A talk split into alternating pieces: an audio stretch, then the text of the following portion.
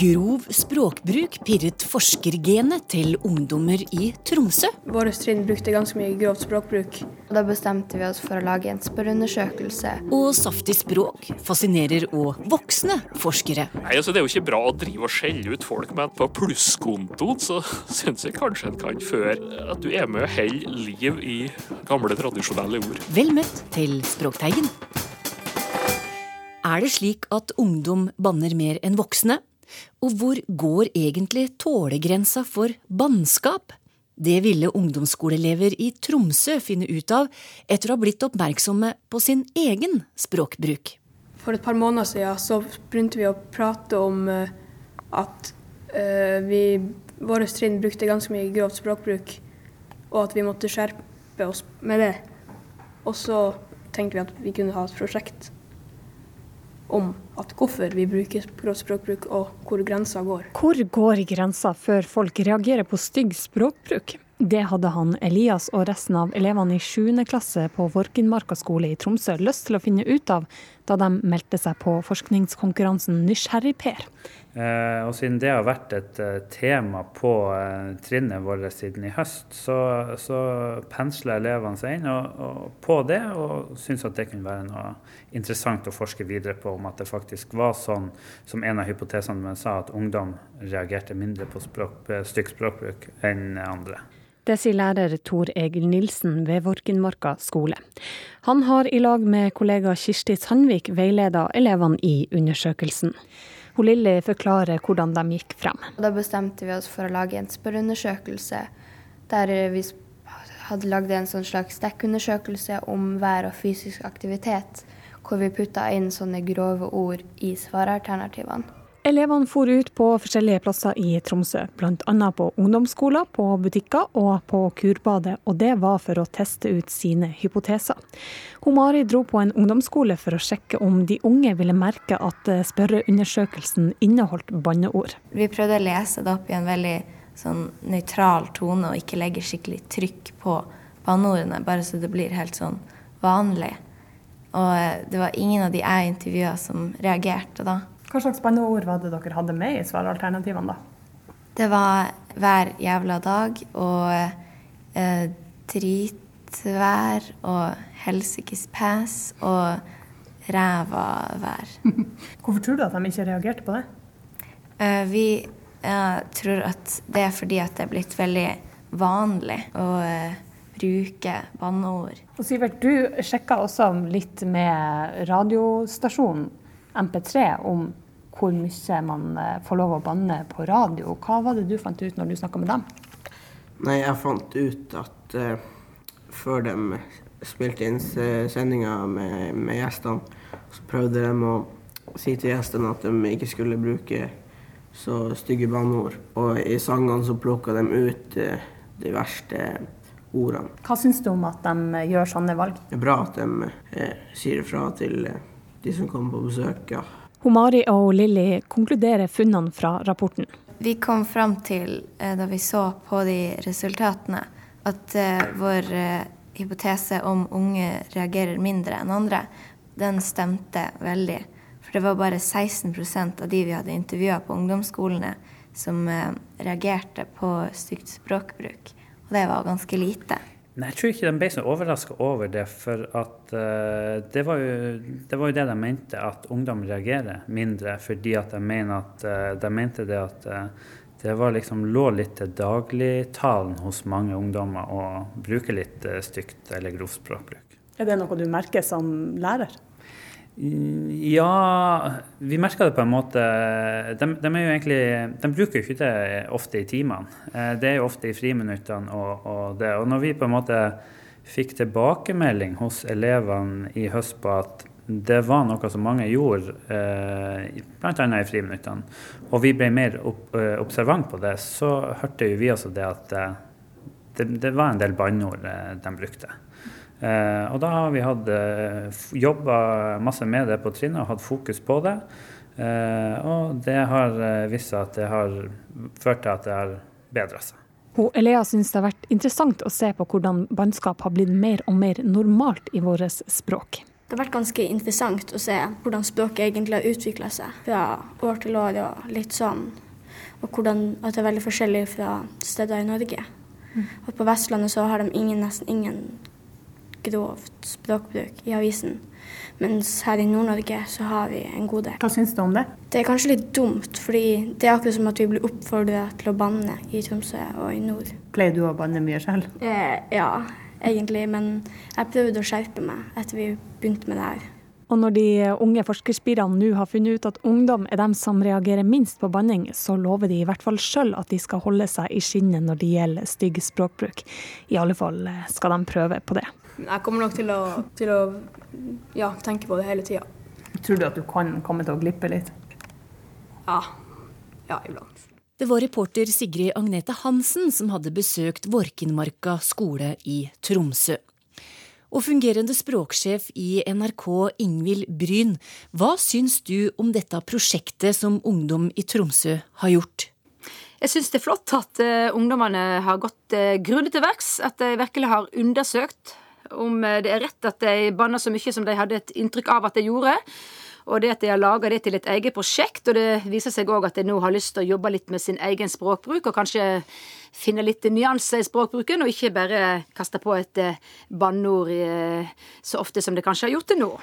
Banning er jo et omdiskutert tema, og forskere sier både at det kan være fysisk bra for oss å banne, og at bannskap kan ha en ekspressiv funksjon, og ikke nødvendigvis er et uttrykk for språkfattigdom.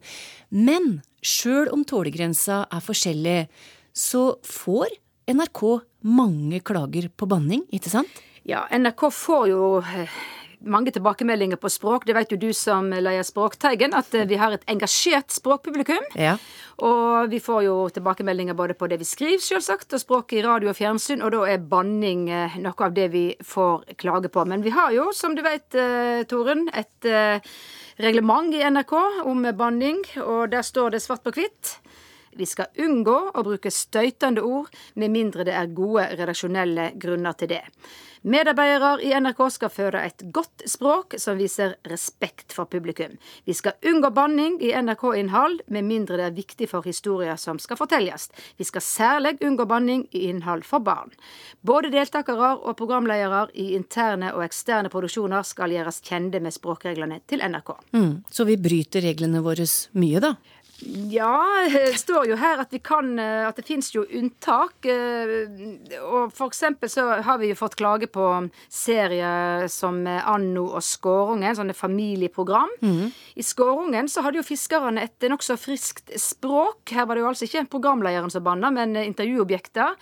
Og da valgte jo de som skapte denne serien, de som står bak serien, at eh, de ikke ville gå inn og, og korrigere på språkbruken og be fiskerne om å dempe seg. Det, da ville det kanskje bli litt, litt autentisk.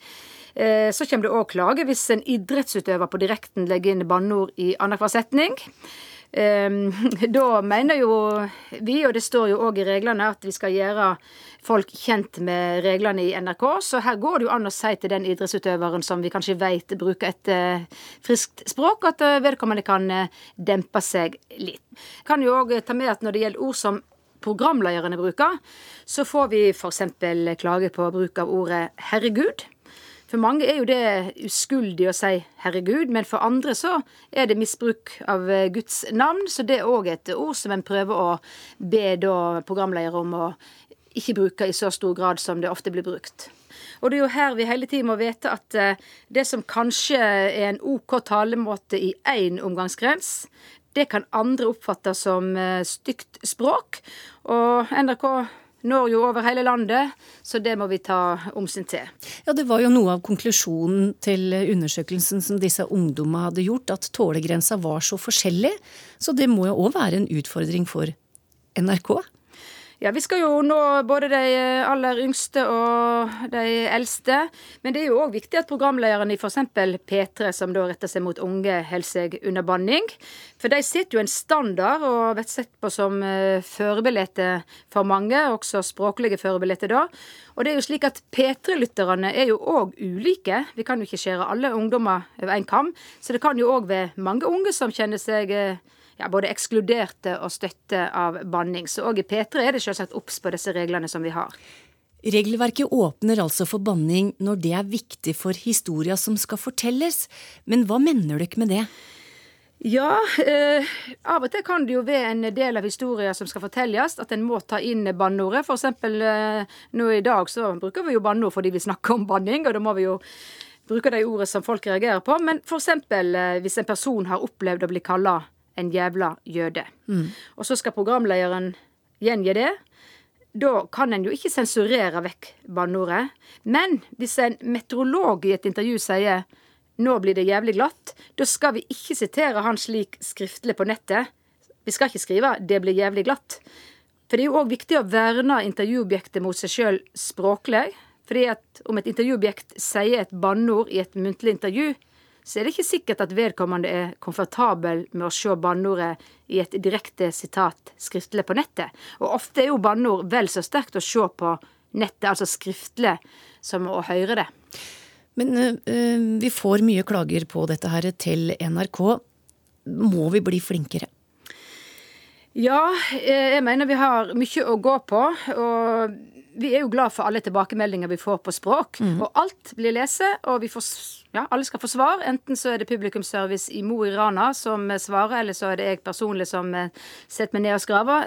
Svarer gjerne med penn og papir og frimerke og konvolutt og alt. Så vi er glad for alle som gjør oss oppmerksom på eh, settinger, for å bruke et engelsk ord, der det blir brukt banning, slik at vi kan eh, gi tilbakemelding.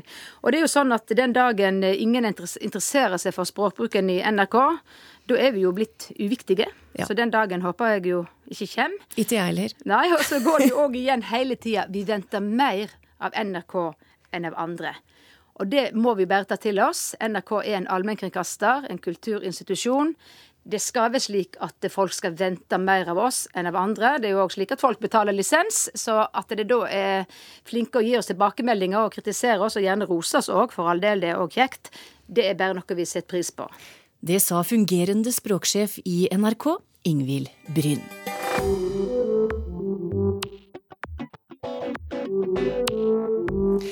Vi skal holde oss til den saftige delen av språket vårt. Din gaukværing av en tullbukk. En raverdall, ja. Humlepung. Stymper. Du er et sloghaug. Vi skal til det som språkforsker Tor Erik Gjenstad kaller språkets villblomster, nemlig skjellsord. Det er ikke noe språkråd eller annen instans som bestemmer hva som skal brukes. Så, så her er det litt som eh, botaniker som vil studere villblomster eh, framfor hageblomster.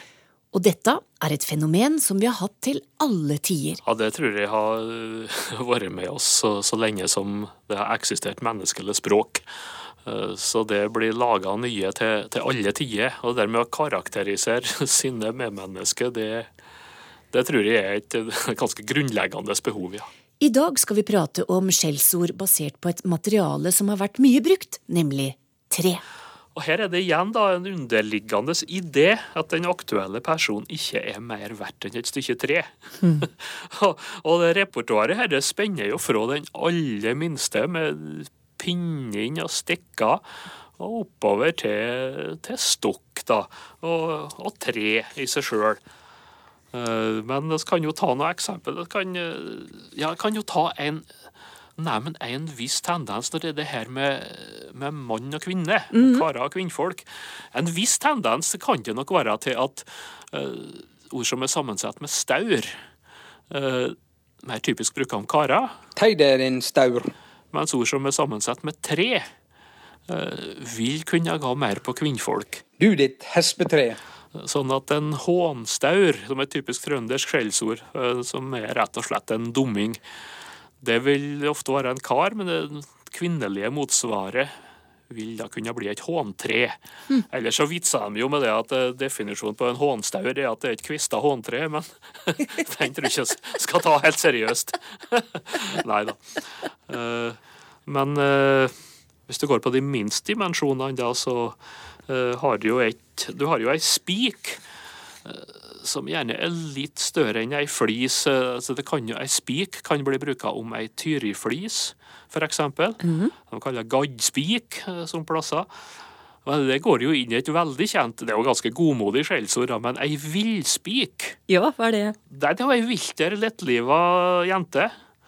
Eh, og det er belagt ganske mange plasser, både nordafjells og, og, og Sønnafjells. Og der eh, kommer jeg på ei lita historie om en som sleit med å få det på trykk. Det var en journalist i Adresseavisa. De har en spalte på 80-tallet der, eh, der de skrev lite sånn miniportrett over kjente personer som var i media. Og så skrev han da et lite sånn portrett av Trine Haltvik, som da var på full fart inn liksom i toppen som håndballspiller. Mm -hmm. Og han eh, ville da ha til overskrift 'Villspika'. Og det måtte han ga en hard eh, runde med desken altså, og med redaksjonen for å få det på trykk. Men eh, når en ser på det, så er jo det et ord som er kjent vidt ikring. Men de var altså redd for at det ikke skulle bli forstått. Så det er ikke nedsettende? Og. Ikke nødvendigvis. Men det, det, kan være det. For eh, det kan jo bli for vilt. Ja, det var på spik, det, det med stikk stikke og flis er jo òg ganske ja, da, vesentlig. Ja, du har en der òg. Eh, når det gjelder stikke, så er det vel Du har iallfall et med apstikke eller apastikke, oppåstikke, som er en uh, ertekrok. Akkurat, ja. Ja, og det er jo spredd vidt ikring. Og når det gjelder flis, så kan jeg jo nevne f.eks. ertflis, som også er Så det der flisa og stikka, det, det ser ut for at det er litt ertkroker mm. som går på det. Staur har vi nevnt. Eh, påle, vet du, har du jo eh, Pålen han står jo som en påle, ja. og det passer jo fint å overføre på litt stae folk som står på sitt. Som egenpåle og tverrpåle. Og så har vi jo stokk, sjølsagt. Mm. Eh, der er vel den mest kjente er vel latstokken. Men igjen, det er jo et stykke tre. Ja. Og vi har prata om det, Tor Erik, at det er mange negative skjellsord.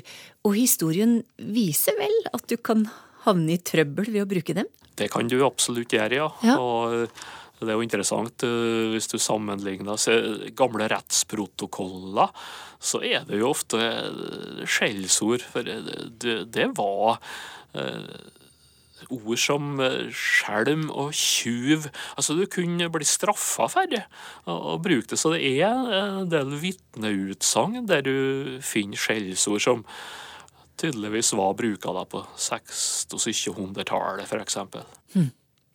Og det er vel lurt sjøl i dag å bruke dem med forsiktighet. Takk til deg, Tor Erik Gjenstad. I flere uker nå så har Språkteigen tatt for seg faste uttrykk i serien Hold tunga rett i munnen. En serie som har ført til en solid bunke med nye spørsmål om flere faste uttrykk. Derfor så åpner jeg rett og slett spalten for lytterspørsmål til det formålet. Og Georg Kjøll skal få svare. Men aller først, Georg, hvorfor tror du at dette engasjerer slik?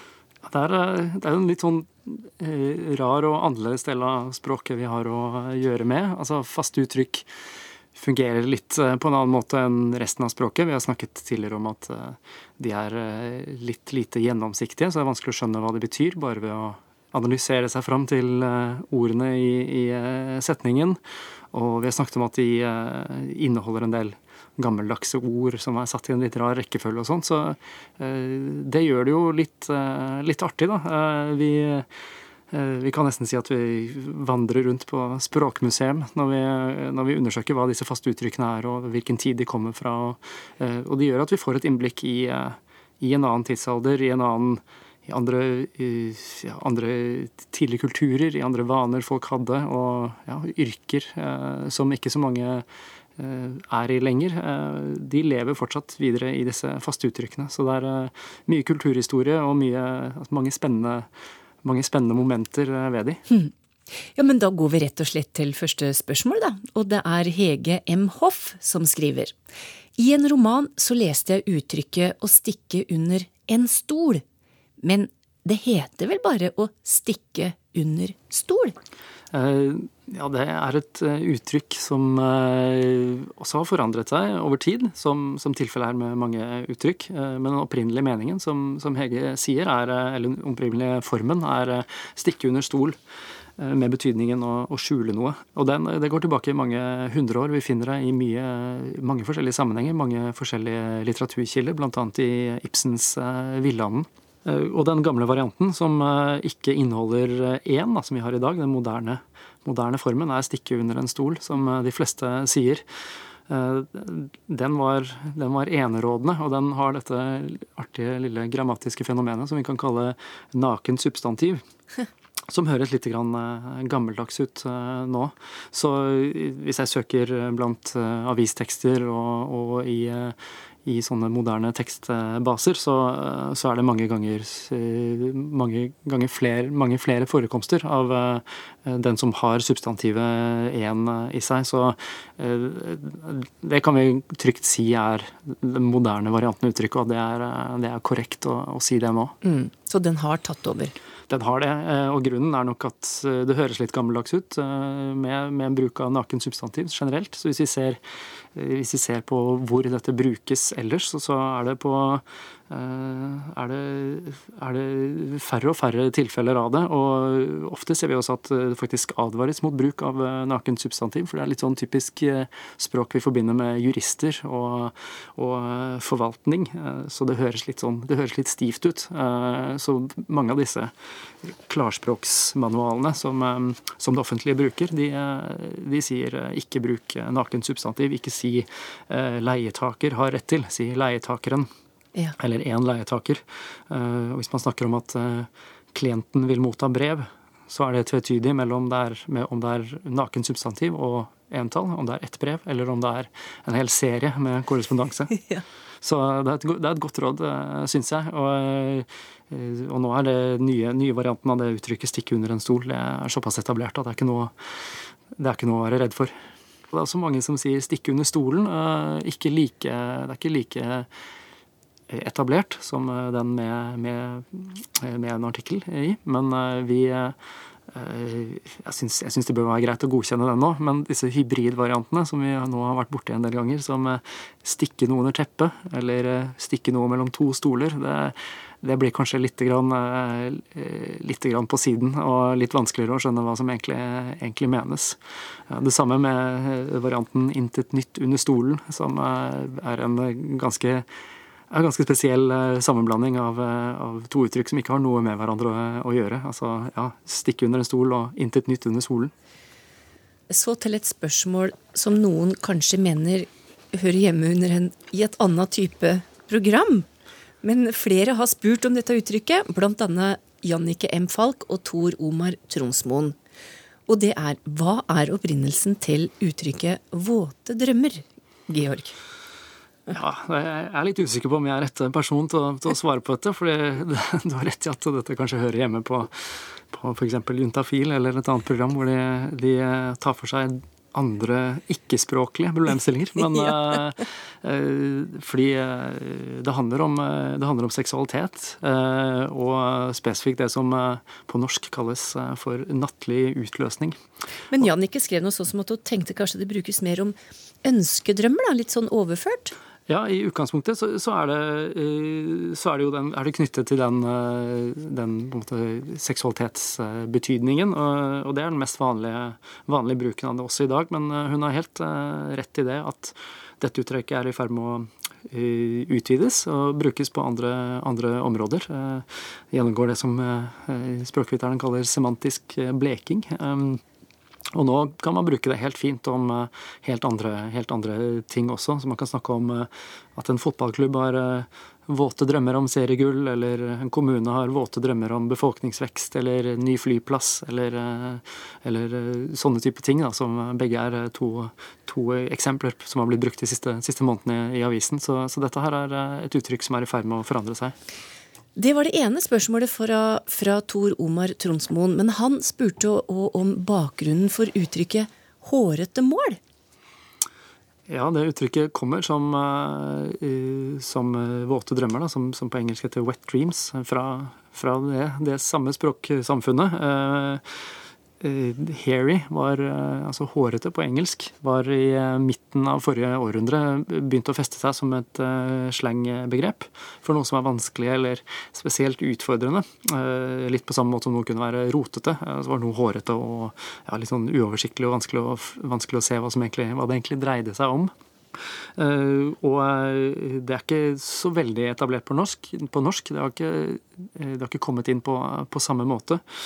Men uh, nå bruker vi, bruker vi, det som en del av uttrykket hårete mål, uh, i særlig forbindelse med uh, næringsliv og, og, og, økonomi og ja, firma, firma, altså ledelsesteori og sånne ting. Og det er ikke tilfeldig, fordi uttrykket er tatt inn, det opprinnelige slanguttrykket hårete er da tatt inn i en spesifikk næringslivsteori fra, eh, eh, fra, slutten av forrige århundre, hvor man snakker om eh, det de kaller for BHAG, ut fra forkortelsen BHAG, som står for Big Hairy Audacious Goals, altså store, hårete og vågale mål. Wow. Ja, så det, det, er, det, er, der det kommer fra, og det har slått litt rot da, i, i norsk språk også.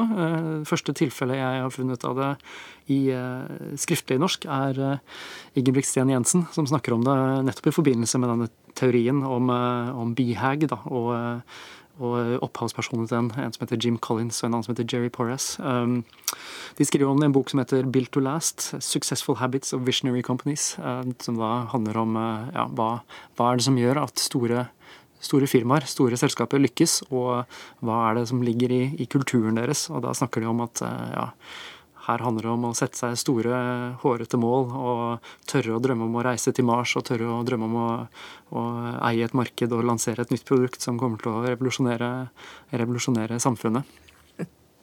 Så hårete mål og våte drømmer, du kan putte alt inn i denne teorien der, da kanskje egentlig? Ja, kanskje det. Det er, det i hvert fall en, en, ganske klar forbindelse. Så da ender du jo selvfølgelig opp med, eh, med varianten eh, hårete drømmer også, eh, som noen går rundt og sier. Men om det er en like, like, naturlig del av teorien, det er jeg ikke sikker på.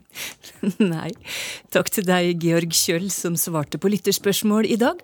Og har du noe på hjertet til Språkteigen, så send e-post til teigen krøllalfa nrk.no. Send SMS med kodeord 'Teigen' til 1987 for ei krone, eller bruk Twitter og Facebook. Og på Facebook så når du fram til oss via NRK P2. Ha det riktig bra bra.